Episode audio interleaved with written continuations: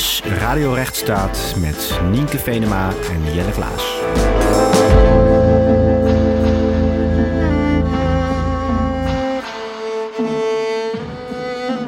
Welkom bij een nieuwe aflevering van Radio Rechtsstaat, de podcast over waarom de rechtsstaat ook jou aangaat.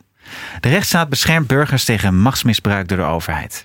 En nieuwkomers, van vluchtelingen tot migranten, worden echter niet automatisch tot de burgers van het land gerekend. Voordat ze erbij mogen horen in Nederland, moeten veel van hen, als ze een verblijfsvergunning krijgen, eerst inburgeren. Nou, over inburgering en hoe de rechtsstaat omgaat of zou moeten omgaan met nieuwkomers gaan we het vandaag hebben. Voordat we met onze gast in gesprek gaan, nog even kort. Wat zegt inburgering jou, eh, Nienke? Ja, wat zegt inburgering mij? Ik kan me herinneren dat in 2004, 5 of 6 ergens in die tijd, ik een keer zo'n inburgeringstest heb gedaan. Toen begon ook een beetje de commotie rondom dat er rare vragen in zaten. En dat ik jammerlijk faalde. Uh, ik weet niet meer precies op welke vraag dat was, maar het waren ook wel echt vreemde vragen. Ik geloof dat het ook geprivatiseerd is. Uh, ik weet niet precies hoe die vragen worden samengesteld. Uh, maar Jelle, jij, jij kwam met dit onderwerp. Waarom, waarom heb jij dit gekozen?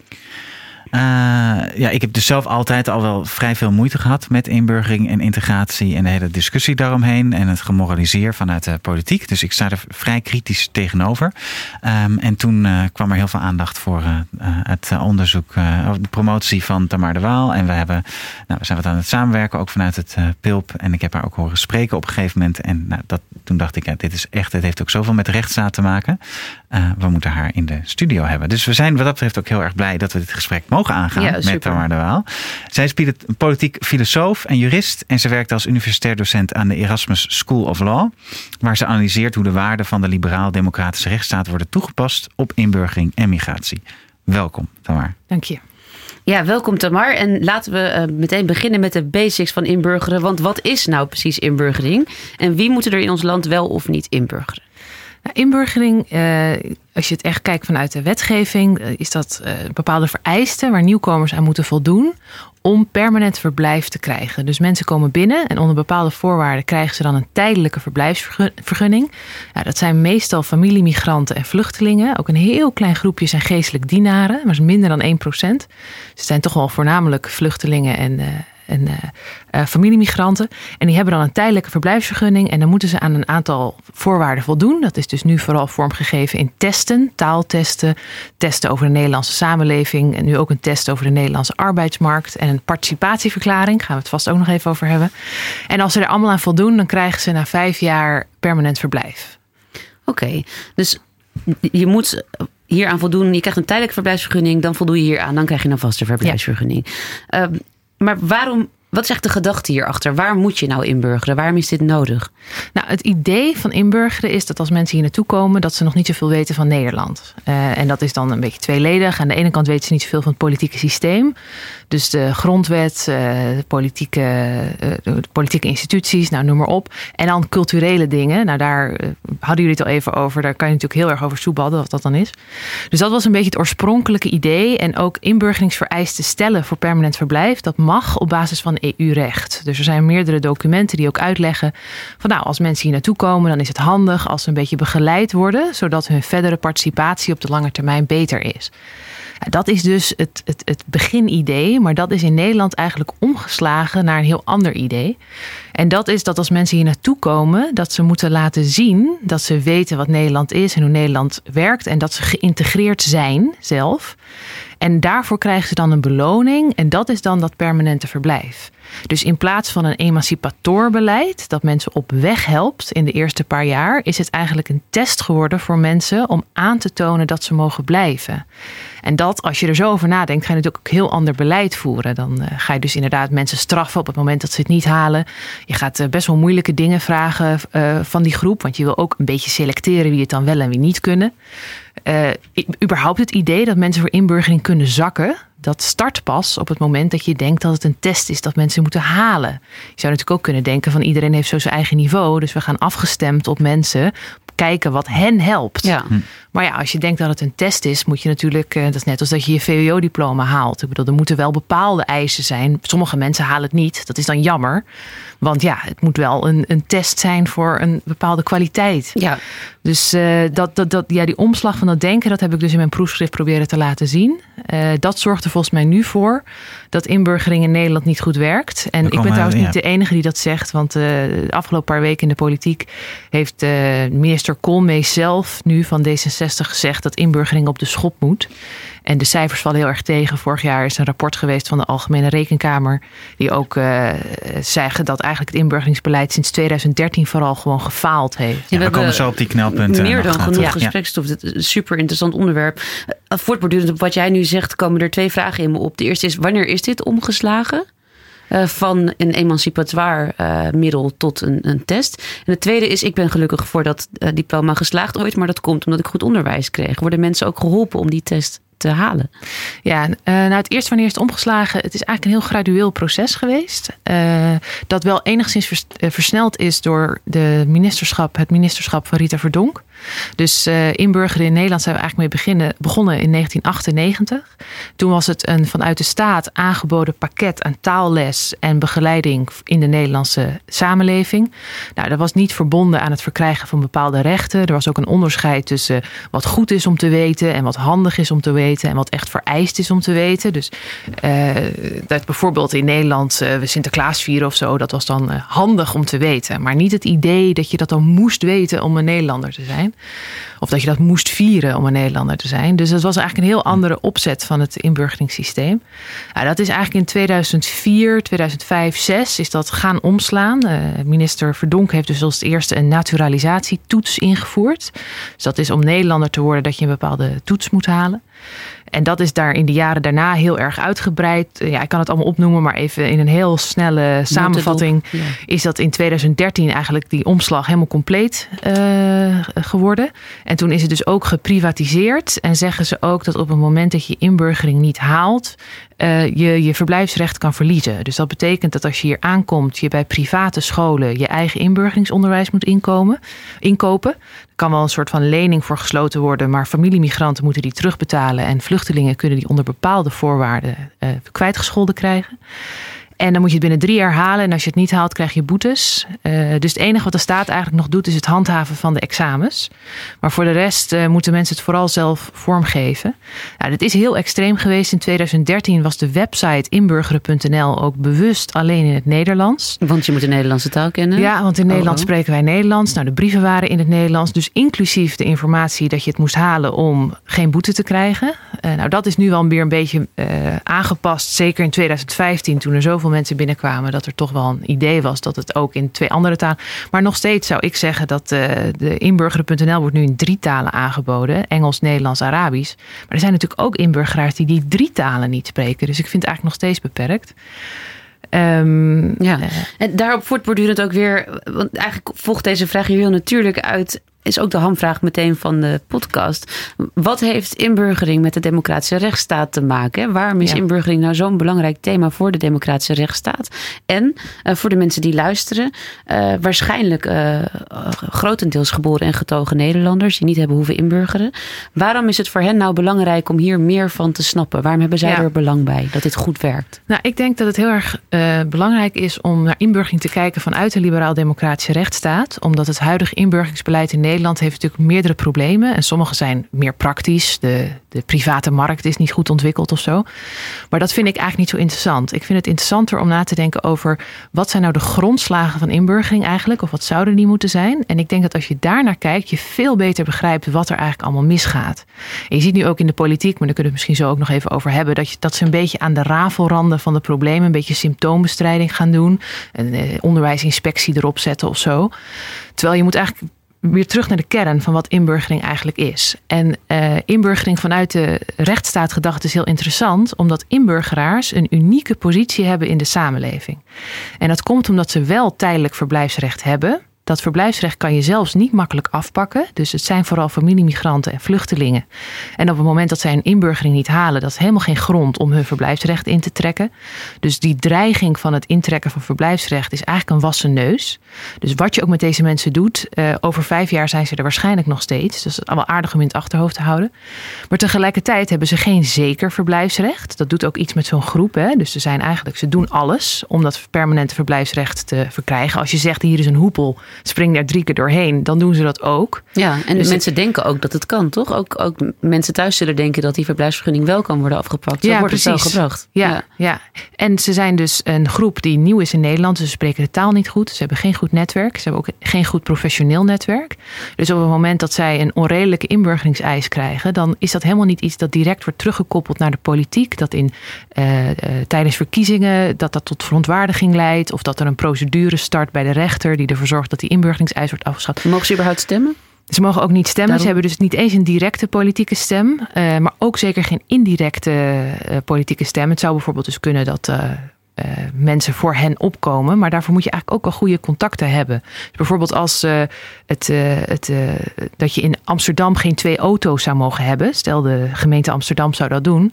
Dan gaan er als een gek mensen tegen procederen. Omdat het, mensen die in Amsterdam wonen, die kennen allemaal mensen aan de Zuidas. Die hebben, zijn misschien zelf advocaat. Dus dat wordt een heilloze onderneming voor de gemeente Amsterdam. Terwijl om een extra inburgeringseis te stellen aan die groep inburgeraars met een taalachterstand. Misschien ook een trauma. Nou, noem maar op. Eh, dat is eigenlijk een hele makkelijke politieke zet. En dat is zeker in een, in een tijd waarin uh, migratie een van de meest bediscussieerde onderwerpen in de politiek is. Maar waar tegelijkertijd er voor de politiek soms niet heel veel mogelijkheid is om migratie echt tegen te gaan. Vooral niet vluchtelingen en familiemigranten. Als die eenmaal Nederland binnen zijn, dan kan je ze niet zo snel meer uitzetten. Dus dat is eigenlijk voor de nationale politiek en vooral voor uh, uh, partijen die daar vandaag best wel op zitten. Dus uh, niet alleen de PVV bijvoorbeeld, maar ook het CDA en de VVD zijn erg bezig met migratie. Dus eigenlijk niet zo'n goed verhaal dat ze hmm. niet goed van vluchtelingen af kunnen. Als ze vluchtelingen zich niet gedragen, tussen aanhalingstekens. Dus het is een politiek. Dus dan doen ze een inburgeringseis. En dan ja. zegt ze, ja, die moeten mensen aan voldoen. En anders gaan ze weg. Terwijl dat eigenlijk niet waar is. Maar ze hebben dan toch een politiek slaatje eruit geslagen. En tegelijkertijd hoef je van die inburgeraars zelf als groep niet zoveel weerwoord te verwachten. Dus het is een soort van loop waar je in komt, waarin er dus steeds meer inburgeringseisen komen die helemaal niet meetbaar effectief zijn voor de integratie van die mensen op de lange termijn, maar waar eigenlijk een politiek van nationale identiteit, van migratie wordt gevoerd. Uh, en dat leidt volgens mij tot heel averechts inburgeringsbeleid. En dat blijkt nu ook heel erg in Nederland. Laten we nog heel eh, super interessant wat je zegt en op allemaal punten willen denk ik wat doorpraten. Ja. Uh, maar nog even over die kernvraag. Hè? Wat heeft het met de democratische rechtsstaat te maken? Dus je hebt een groep mensen die uh, in principe geaccepteerd worden. Dus die door de toch, in mijn uh, mening, zeer strenge, uh, door het zeer strenge vreemdelingenbeleid komen. Dus hè, er wordt van erkend dat ze homo zijn uit Oeganda of ja. gevlucht zijn uit Syrië of wat dan ook. Dus, dus er wordt gevonden door de Nederlandse staat, jij mag hier zijn. En vervolgens werp je eigenlijk een extra soort drempel op om tot andere rechten te kunnen komen. Hey, maak, je, maak je het. Uh, ja. Uh, ja. ja. dus je hebt gelijk. Ze zijn eigenlijk al door heel veel uh, hokjes heen gekomen. Er zijn natuurlijk ook heel veel mensen in Nederland die bijvoorbeeld uitgeprocedeerd zijn, maar niet meer kunnen worden uitgezet en zo. Die zitten eigenlijk nog een, een, een cirkel achter of een, een, een, een domein achter de inburgeraar. Dus inburgeraar is eigenlijk al best ver. Ze hebben ze zijn al erkend vluchteling bijvoorbeeld. Mm. En dat is natuurlijk al in Nederland krijg je al een huis bijvoorbeeld. En je mag eigenlijk al beginnen. Maar tegelijkertijd zie je nu dat we dus mensen die we deels eigenlijk al hebben geaccepteerd, in ieder geval juridisch. Uh, waarvan we ook als maatschappij weten dat die waarschijnlijk permanente inwoners van Nederland zullen zijn. Uh, waar dus ook vanuit ons allemaal eigenlijk een belang is dat die mensen op termijn goed meekomen. Ja. Ik bedoel, Want daar zit het belang voor mensen die niet zelf, ja. die geboren en getogen Nederlanders, staat ja. het zo simpel zeggen. Maar... maar, dat is dus het, uh, het, het, ja, het verraderlijke daaraan, omdat steeds meer de suggestie wordt gewekt dat inburgering iets is dat alleen de nieuwkomer aangaat om zelf te mogen blijven. En daardoor dus ook alle verantwoordelijkheid om in te burgeren op de schouders van de nieuwkomer valt. Ook financieel, uh, maar ook uh, in uh, regelen en noem maar op. Omdat ze denken, ja, want als u zakt, dat is uw probleem. Terwijl als er 10.000 of 20.000 mensen in Rotterdam niet goed meekomen, dan is dat natuurlijk niet alleen hen, hun probleem, dan is dat ook een probleem op het niveau van de stad Rotterdam. Dus er zit een soort van verschuiving in ons denken, die we uiteindelijk ook niet helemaal kunnen waarmaken. Want inburgeringsbeleid beïnvloedt niet wie er fysiek in de samenleving is. Nee. Dus en ook als je op straat loopt en ik kan je niet aan iemands neus zien of die een permanente verblijfsvergunning heeft of niet. En als het niet zo goed gaat met die persoon, ja, dat maakt op zich voor jouw beleving van sociale cohesie, voor het welzijn van iemand uh, in de stad, maakt het allemaal niet zoveel uit. Dus het is ook die, die, dat spelen met die rechten, terwijl mensen er wel gewoon zijn, dat is op de lange termijn helemaal niet handig voor niemand niet. Nee, ook, zou er ook een bepaald glijdende schaalprobleem mee kunnen zijn dat je de rechten en de plichten vanuit de rechtsstaat voorwaardelijk maakt bij een groep die eigenlijk al juridisch geaccepteerd is, dat dat ook op andere vlakken, op het moment dat we dat oké vinden? Ja. Ja, ja, in mijn proefschrift neem ik eigenlijk nog een stap voor uh, de analyse van het inburgeringsbeleid, waarom dat misgaat. Dat er in uh, heel Europa, maar zeker ook in Nederland, een verschuiving is. Dat we anders gaan kijken naar het burgerschap van mensen met een migratieachtergrond. Ja. En dat is niet alleen maar een migratieachtergrond, maar ook heel specifiek mensen met een niet-Europese, niet-Westerse migratieachtergrond. Dus tegen die groep mensen, of ze nou burger zijn of niet, dus dat is eigenlijk niet relevant. Sommige mensen zijn hier al geboren, zijn kleinkinderen van mensen met een niet-Westerse, niet-Europese migratieachtergrond. Daarvan kunnen we zeggen, u bent niet geïntegreerd en daarmee is het u eigenlijk niet helemaal gelukt een Nederlander te worden. En uh, het gaat zelfs zo ver dat onze eigen premier dus tegen kleinkinderen van Turkse ja. gastarbeiders zegt pleur op. Ja. Terwijl tegen mensen die Pegida aanhangen, zegt hij misschien wel van nou, uw overtuigingen zijn niet in lijn met de kernwaarden van de staat of zo. Maar hij zegt niet, u bent geen burger meer. Nee, je blijft altijd te gast eigenlijk. Ja, dus die, er zit een verschil tussen hoe we naar het burgerschap kijken uh, van mensen met en zonder een migratieachtergrond. Maar ik vind het dan vooral interessant, ook als inderdaad jurist, om te kijken hoe dat vorm krijgt in het recht. En mijn argument is dus dat het inburgeringsbeleid heel erg duidelijk is gaan werken met een idee van verdiend burgerschap, met alle gevolgen van dien. Maar ik denk ook dat je het wel op andere vlakken ziet. En één daarvan is eigenlijk het tegenovergestelde van inburgering, en dat is denaturalisatiebeleid. Hm. En dat is dus wanneer mensen hun Nederlanderschap kunnen verliezen. En dat zou niet alleen in Nederland, ook in Groot-Brittannië en in Frankrijk zijn daar dingen veranderd. Maar in Nederland is het eigenlijk wel vrij extreem. En dat is trouwens ook met inburgering. Dat is nog wel interessant ook. Waarom is Nederland zo aan het uitschieten? In deze dingen. Maar in Nederland is er nu dus een denaturalisatiebeleid aangenomen voor mensen met een dubbel paspoort. Nou, dat is al heel uh, specifiek mensen met een migratieachtergrond.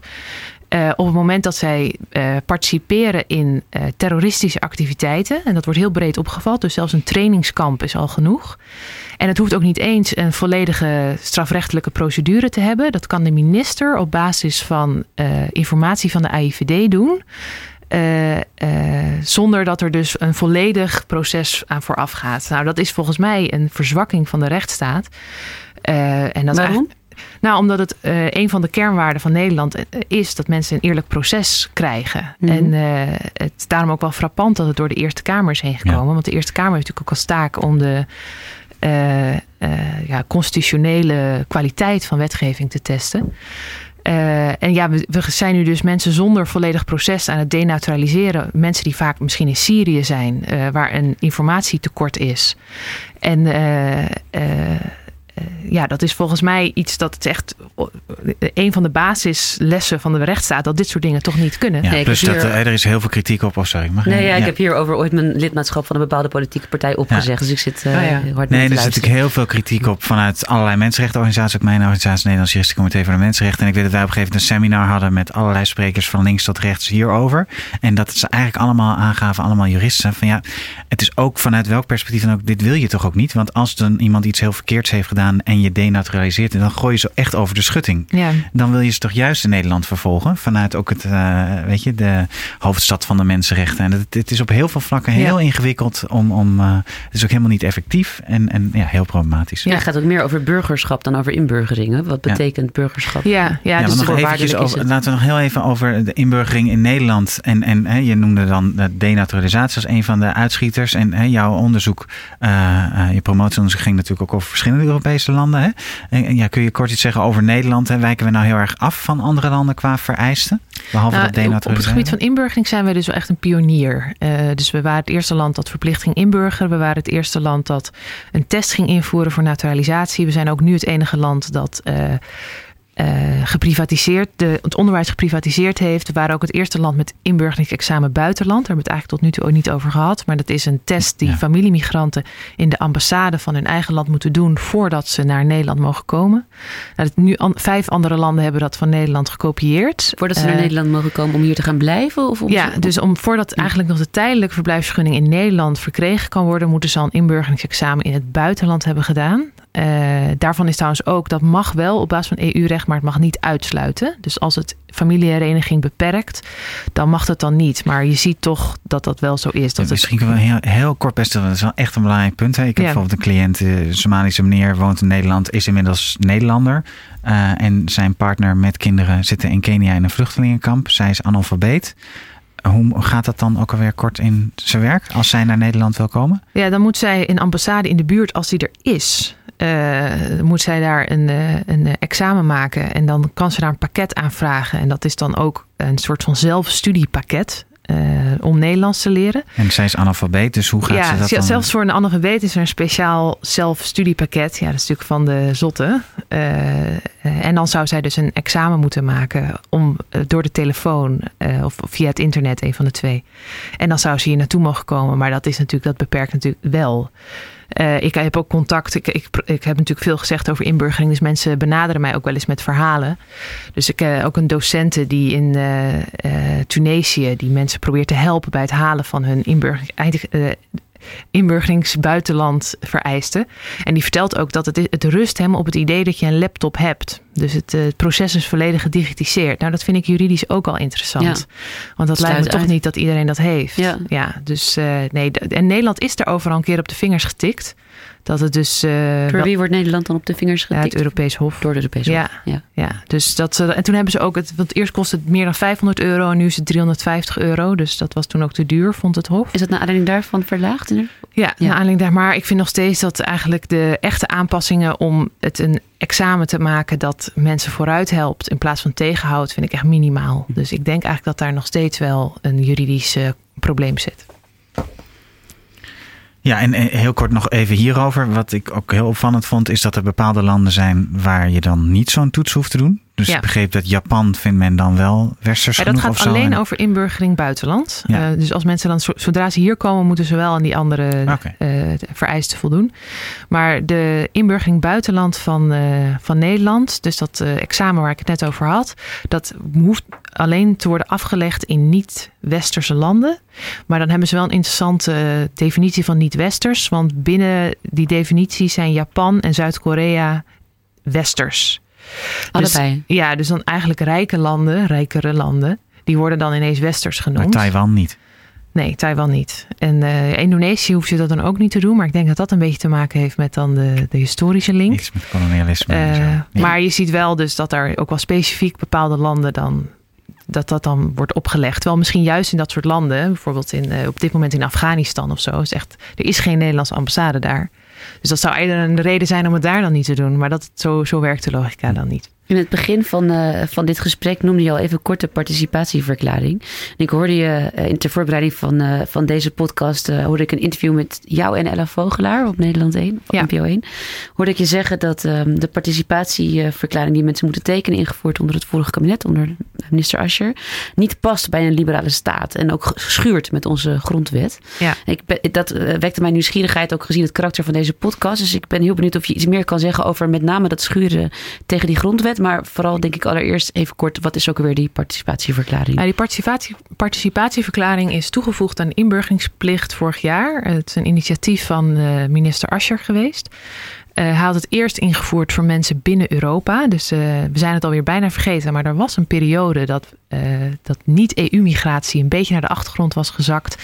En dat we het vooral over Polen hadden. En Wilders kwam toen met zijn Polen-meldpunt, et Ja. cetera. Polen en Hongarije, geloof ik. Ja, dus toen had Asscher bedacht dat mensen die vanuit Europa naar Nederland kwamen, dus interne EU-migratie, dat die een verklaring moesten tekenen voordat ze hier naartoe kwamen over de Nederlandse kernwaarden. Nou, dat werd uiteraard teruggefloten, want je mag geen vereisten opleggen voor interne EU-migratie, is natuurlijk het hele idee van de EU. Ehm, dus toen heeft hij hier een vrijwillige verklaring van gemaakt. Ik heb nog verschillende keren proberen op te zoeken hoeveel mensen, van bijvoorbeeld Hongaren of Polen, vrijwillig naar gemeentes zijn gegaan om dat te tekenen. Maar dat kan ik nergens vinden. Dus ik denk dat dat een stille dood uh, gestorven is.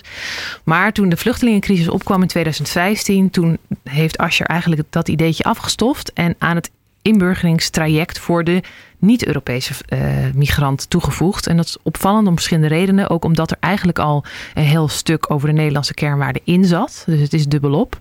Maar het eist wel iets meer. En dat is dus dat mensen een verklaring waarin staat wat de kernwaarden van Nederland zijn. Dat zijn dan vrijheid, gelijkheid en solidariteit. Uh, dat ze die uh, erkennen. Nee, respecteren. Ik moet even goed zeggen. Respecteren. Beetje ironisch wel dit, toch? Ja, ja, en dat ze zich gaan inzetten voor de Nederlandse samenleving. Dus, uh, en het was trouwens die, die participatieverklaring voor de interne migranten zei: ik zal de kernwaarden uitdragen. Nou, dat hebben ze wel geschrapt. Dat is dan op zijn minst nog iets. Dat, de formulering is iets beter geworden. Maar ja, ik had het dus net het onderschrijven. Ja, ja. ja, ze moet echt fysiek tekenen. En ja. anders krijgen ze een boete van 350 Niks mis met die kernwaarden natuurlijk. Maar nee. het is niet zo dat iedereen in Nederland nee. die onderschrijft. Nee, dat is denk ik ook. Ik probeer ook in mijn proefschrift uit te leggen dat mensen begeleiden en leren en onderwijs aanbieden. Net als aan ons allemaal is aangeboden. Dat is helemaal niet erg en ook heel belangrijk en kan heel waardevol zijn. Maar als je een stapje gaat maken dat mensen dat moeten doen om Nederlander te mogen worden of erkend te worden als iemand die hier mag blijven, dan ga je volgens mij juist de verkeerde dingen doen. En ik had het ook net over dat idee van verdiend burgerschap. Nou, volgens mij is dit ook een typisch voorbeeld naast inburgering en denaturalisatie dat migranten moeten dat tekenen. Maar geboren Nederlanders moeten dat niet tekenen. Dus wij hebben wel onderwijs gehad bijvoorbeeld, maar het is niet zo dat als wij ons HAVO-diploma niet hebben gehaald, dat we vervolgens geen Nederlanderschap meer krijgen of zo. Dus er is geen verplichte link tussen het onderwijs en het iets tekenen en vervolgens mogen worden erkend als een uh, gelijke burger in Nederland. En dat toont volgens mij weer aan dat er zo'n ongelijke behandeling is. En daarbij is het ook nog wel uh, opvallend dat een van de kernwaarden van een liberale staat, en als je dat loslaat, laat je eigenlijk alles los, dat mensen gewetensvrijheid hebben. Dus je in je eigen hoofd mag je denken wat je wil. Dat is echt, als je dat loslaat, dan ben je eigenlijk alles kwijt. Ja, en dan ga je richting totalitariteit. Ja, ja, en die verklaring, als je er staat in, ik respecteer de Nederlandse kernwaarden. Nou, daar kan je een beetje over soebatten. Maar uh, het respecteren van waarden, dat is eigenlijk iets anders dan bijvoorbeeld een belofte dat je je aan de wet zult houden. Ja. Dus het houden aan de wet, dat is iets dat een liberale staat heel goed kan eisen en ook uh, uh, kan handhaven. Maar het persoonlijk respecteren van waarden, dan ga je eigenlijk net een hoekje om en dat moet je eigenlijk niet doen. Want het, te het tekenen dat je eraan zult houden, ik, ik kan me, ik, advocaat van de duivel spelend, uh, best voorstellen dat iemand zegt dat er mensen in Nederland wonen die vrijheid, gelijkheid en solidariteit niet onderschrijven, vind ik wel erg genoeg. Ik wil er vooral niet meer bij. Ja. Dus zo gek niet dat een nieuwkomer dat moet tekenen. Maar daar ja. zeg jij tegen? Nou, dat dat dus een andere discussie is. Dat uh, op het moment dat mensen gaan inburgeren, dan zijn ze eigenlijk al binnen en die verblijfsrechten zijn vrij sterk. Dus je zou kunnen zeggen in een hypothetische wereld willen we migratiewetten die mensen met liberale uh, overtuigingen eruit pikt. Ja, dat zou kunnen. Daar zou je ook een lange academische discussie, juridische discussie over kunnen hebben. Want het vluchtelingenverdrag wordt dan radicaal anders, bijvoorbeeld. Maar volgens mij, als we die discussie gaan hebben op het moment van inburgering, dan zijn we eigenlijk averechts bezig. Want dan ga je dus mensen uitsluiten die toch blijven. En ook de kans dat die mensen die waarden dan nog verinnerlijken, want dat is natuurlijk iets dat de staat wel mag doen. Ze mag uh, aanreiken, aanmoedigen, aanprijzen van haar kernwaarden. En ook hopen dat mensen overtuigd raken door de tijd heen op basis van argumenten en misschien ook wel van het comfort en de vrijheid die in Nederland is. Dus we hopen natuurlijk dat iedereen uiteindelijk, en dat hopen we trouwens ook van geboren Nederlanders, zich uh, wel kunnen vinden in die democratie. Maar door iemand dan, als ze iets niet tekenen, dan een boete op te leggen, uh, denk ik eigenlijk dat dat juist iets is waardoor je mensen eerder wegduwt dan dat je mensen overtuigt om iets te gaan uh, steunen. Ja, want als je het hebt over die, die waarden en hoe die worden gedeeld in Nederland. Hè, het is inderdaad heel interessant dat die nieuwkomers die moeten dan wel inburgeren, andere inwoners niet. En ik vraag me ook altijd af, hè, bij welke set van Nederlandse normen en waarden moet er dan bij worden ingeburgerd? Hè? Ja. Welke set van waarden moet dan gedeeld worden? Hè? Die van een rijk gezin uit Baarn of een groep anarchistische krakers in Amsterdam of een woonwagengezin in Os. Dat zijn allemaal, allemaal Nederlanders, die, maar hun normen en gebruiken verschillen behoorlijk. En misschien ook wel hun, hè, ook, ook een een communist of een salafist of een Erdogan-aanhanger, die heeft ook democratische rechten en hoort er ook bij. Is ook, kan ook een inwoner van Nederland zijn, zolang die zich aan de wet houdt. Dus ja, dat vind ik heel ingewikkeld. Dat, ja. Uh, ja, ik denk dat uh, het eisen van bepaalde culturele integratie, dat is echt een, een, een uh, doodlopende weg. Dus als je inderdaad zegt, hoe laat gaan mensen op, op visite bij elkaar? Of bedoel, er zijn altijd. Dat is nu een onderdeel van de inburgering. Ja, dat toch? is nu zeker ja. een onderdeel van de inburgering. Ja, ja, ja. En wel je huishoudelijke hulp als je, als je het niet meer aan kunt. Of, ja. wat, ja, maar ook echt de meest bizarre dingen als wat, wat moet je doen als je elektriciteit wil besparen en zo. Dat, maar goed, dat is echt helemaal. Dat, dat, die dat zouden we trouwens allemaal moeten krijgen, die Ja. vraag. Maar, dat er Maar ik denk dus uh, dat dat soort vragen er eigenlijk doorheen komen, omdat het inburgeringsbeleid uh, rust op het idee dat mensen ingeburgerd kunnen zijn. Maar niemand weet eigenlijk wat de echte Nederlander is. Dus ja, dat, nou, nou trek ik een beetje een pijnlijk uh, punt open natuurlijk. Dat uh, Maxima zei, de echte Nederlander bestaat niet. Maar daar had ze natuurlijk wel gewoon gelijk in. En omdat we niet weten wie de echte Nederlander zijn... weten we ook niet echt wat een ingeburgerde migrant is. En daardoor kunnen we alles vragen. Dus het is eigenlijk de inburgering op persoonlijk niveau. Dat is een soort van black box... waar je alles de hele tijd in kan gooien. Omdat we uiteindelijk ook niet precies weten... wie er nou echt ingeburgerd is hier. Dus dat denk ik is, dat, dat is uiteindelijk onwerkbaar om daarmee te werken. Wat ik dus wel zou doen, is inburgeringsbeleid uh, voeren Uh, en ik zou dan eigenlijk het woord inburgeren alweer aanpassen. Want daar zit eigenlijk dat verdient burgerschap in. Hè? Iemand komt binnen en Ja. moet inburgeren. Dat is ook een term die we alleen voor die groep gebruiken. Dus daar zou ik dan ook nog even naar na- nadenken. Heb je al een nieuwe bedacht of uh, zit die nog in het vat? Ja, ik zou misschien integratie. Maar dan zou je dat woord integratie weer helemaal moeten lostrekken van hoe het tot nu toe wordt gebruikt. En dat het ook ja. wederzijds zou moeten zijn. Ja, Dat is dus als je op Europees niveau kijkt, zie je ook wel dat integratie altijd als wederkerig en maatschappelijk proces wordt uh, gedefinieerd. Maar je ziet dat in lidstaten, waaronder Nederland, integratie ook heel erg wordt gezien als een standaard waar migranten aan moeten voldoen om erbij te horen. Mm. Dus misschien is dat woord ook alweer verloren. Goed, ik ben zelf niet helemaal van de, de woordenpolitie, maar het is in ieder geval wel interessant om na te denken over. Uh, of je een dubbele eis stelt aan mensen en wat dat vervolgens eigenlijk voor de effectiviteit van je, van je beleid doet. Mensen die weigeren om in te burgeren, hebben die eigenlijk nog recht op bescherming vanuit de rechtsstaat? Weigert er wel eens iemand? Nou, ik heb zelf nooit uh, mensen gezien die echt weigerden. Ik heb juist zelf altijd mensen ontmoet die wilden beginnen. En eerder een beetje ontmoedigd raakten door alles uh, wat ze moesten doen. En ook de bureaucratie die komt kijken bij de inburgering. De wachttijden, de, de taalscholen die tegenvallen. Dus, uh, dat, dus dat, dat, ik zie eerder juist een ontmoediging door het beleid dan een, een demotivatie aan het begin. Uh, maar in uh, de integratienota van bijvoorbeeld minister Ascher stond altijd wel dat er hard werd opgetreden ten opzichte van mensen die dan echt niet wilden. Maar ik heb ook altijd in die nota's gezien dat het een hele, hele kleine minderheid betrof. En werd dat concreet, hard optreden? Want dat politici zeggen dat altijd graag dat ze hard gaan optreden, maar wat het nou echt betekent? Ja, ze krijgen nu dus geen permanent verblijf. Dus ze blijven hangen in hun tijdelijke verblijfsrechten. Dat staat ook op gespannen voet met Europees recht. Dat betekent want, dat ze allemaal rechten niet krijgen? Toch? Ja, dat is ook gekoppeld met sociale rechten. Ja. Maar ook bijvoorbeeld als je een baan zoekt en een werkgever ziet dat jij geen permanent verblijf hebt, is dat eigenlijk niet zo aantrekkelijk om jou aan te nemen. Want dan heeft zo'n werkgever toch van waar ga je heen dan? Of zo. En um, ook een hypotheek krijgen, vast huurcontract, nou noem maar op. Daar werkt het allemaal op in. Je bent gewoon iets minder aantrekkelijk, want ze denken, ja, hoezo tijdelijk? Um, en ten tweede, ze krijgen boetes. En die boetes kunnen best hoog zijn. Dus bijvoorbeeld voor het niet tekenen van de participatieverklaring is 350 euro per keer. Dus het is ook niet zo dat je dat één keer krijgt, maar dat loopt gewoon de hele tijd door. En hoe vaak word je opgeroepen, denk je? Ja, dat kan eeuwig doorgaan. Ja, ik denk wel dat er een soort van uh, bovengrens is. Maar het, is, uh, het, het, kan echt in de duizenden euro's lopen. En ook als je dus niet inburgert binnen de tijd als vluchteling, moet je je lening terugbetalen. Nou, zeg dat je 10.000 euro erin hebt gestoken. Uh, dan moet je dat dus ook nog terugbetalen. Dus dat loopt, dat kan, het kan als je het echt slecht aanpakt of echt niet wil, kan het best in de cijfers lopen. In, uh, in het in interview wat ik ook al eerder met je aanhaalde oh, op NPO 1, uh, sprak je ook kort over Wouter Koolmeester. Je noemde hem net ook al even, onze nieuwe minister van Sociale Zaken. Ben je hoopvol over zijn plannen ten aanzien van de inburgering? Nou, hij zette in de Telegraaf best wel een, uh, maakte hij best wel een statement. Zei hij zo van ja, de inburgering moet op de schop. En toen ben ik dat, uh, toen was ik eigenlijk wel hoopvol, maar toen ben ik het debat gaan kijken. En dat is nu deels gevoerd. Uh, over een paar dagen komt volgens mij het tweede deel. Uh, en toen was ik iets minder hoopvol. Ik denk namelijk dat hij wel in, in, ja, in, zegt dat het allemaal heel problematisch is. Maar als ik dan goed luister naar wat hij echt wil gaan veranderen, dan is dat vooral dat op dit moment zijn de gemeentes wat minder in de positie om inburgeraars te helpen. Nou, die krijgen iets meer uh, uh, ruimte om te gaan begeleiden. Maar het hele systeem van de privatisering, uh, de boetes, de leningen, dat blijft eigenlijk allemaal staan. en ook. Dus hij niet wil, echt op de schop.